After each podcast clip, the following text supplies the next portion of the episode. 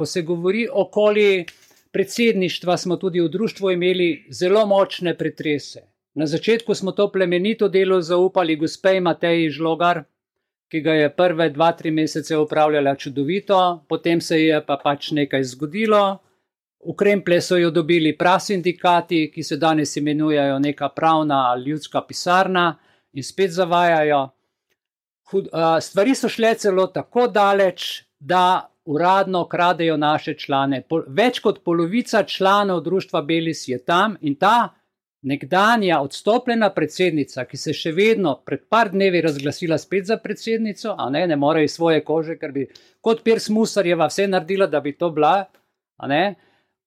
Ljudje, ki pokličejo, ker ne omakne Facebooka, ker ne omakne stvari, ker ne vrne štempilke, ker ne vrne table, ki jih zadržuje nezakonito, izvaja nezakonite, nelegalne stvari. In želim, da ta posnetek poslušate. Naj gre v eter, naj se ve, kaj ta gospa počne. Čeprav je naša članica, v društvu še sodišča nismo aktivirali, ampak očitno bomo morali to narediti, da se ta saga z njo in z njo vred konča in z to pravno pisarno, ki ni niti registrirana in ljudi zavaja po dolgem in širokem.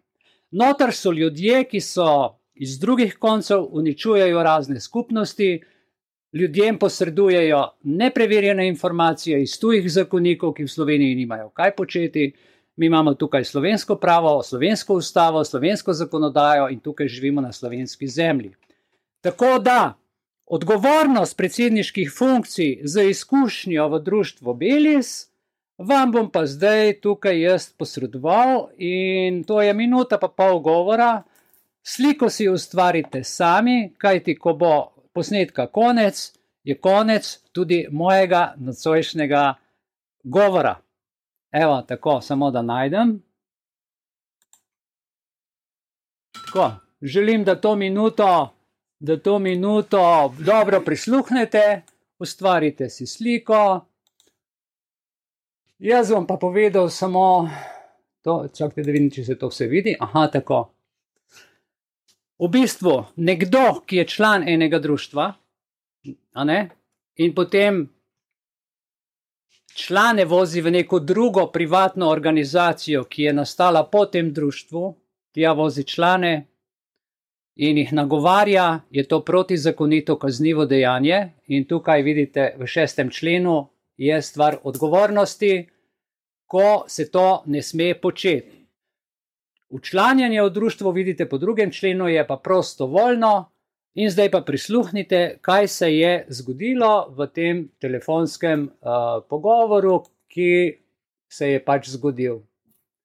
Uh, tako da jaz bom potem kar mikrofone ugasnil in da vam ostane in to odmeva v glavi, sami pa naredite presojo o tem, kar boste slišali. Podajam sporočilo, uradno sporočilo članom društva Belis predajam mesto predsednice Društva Belis svojemu nasledniku in se podajam na skupno pot.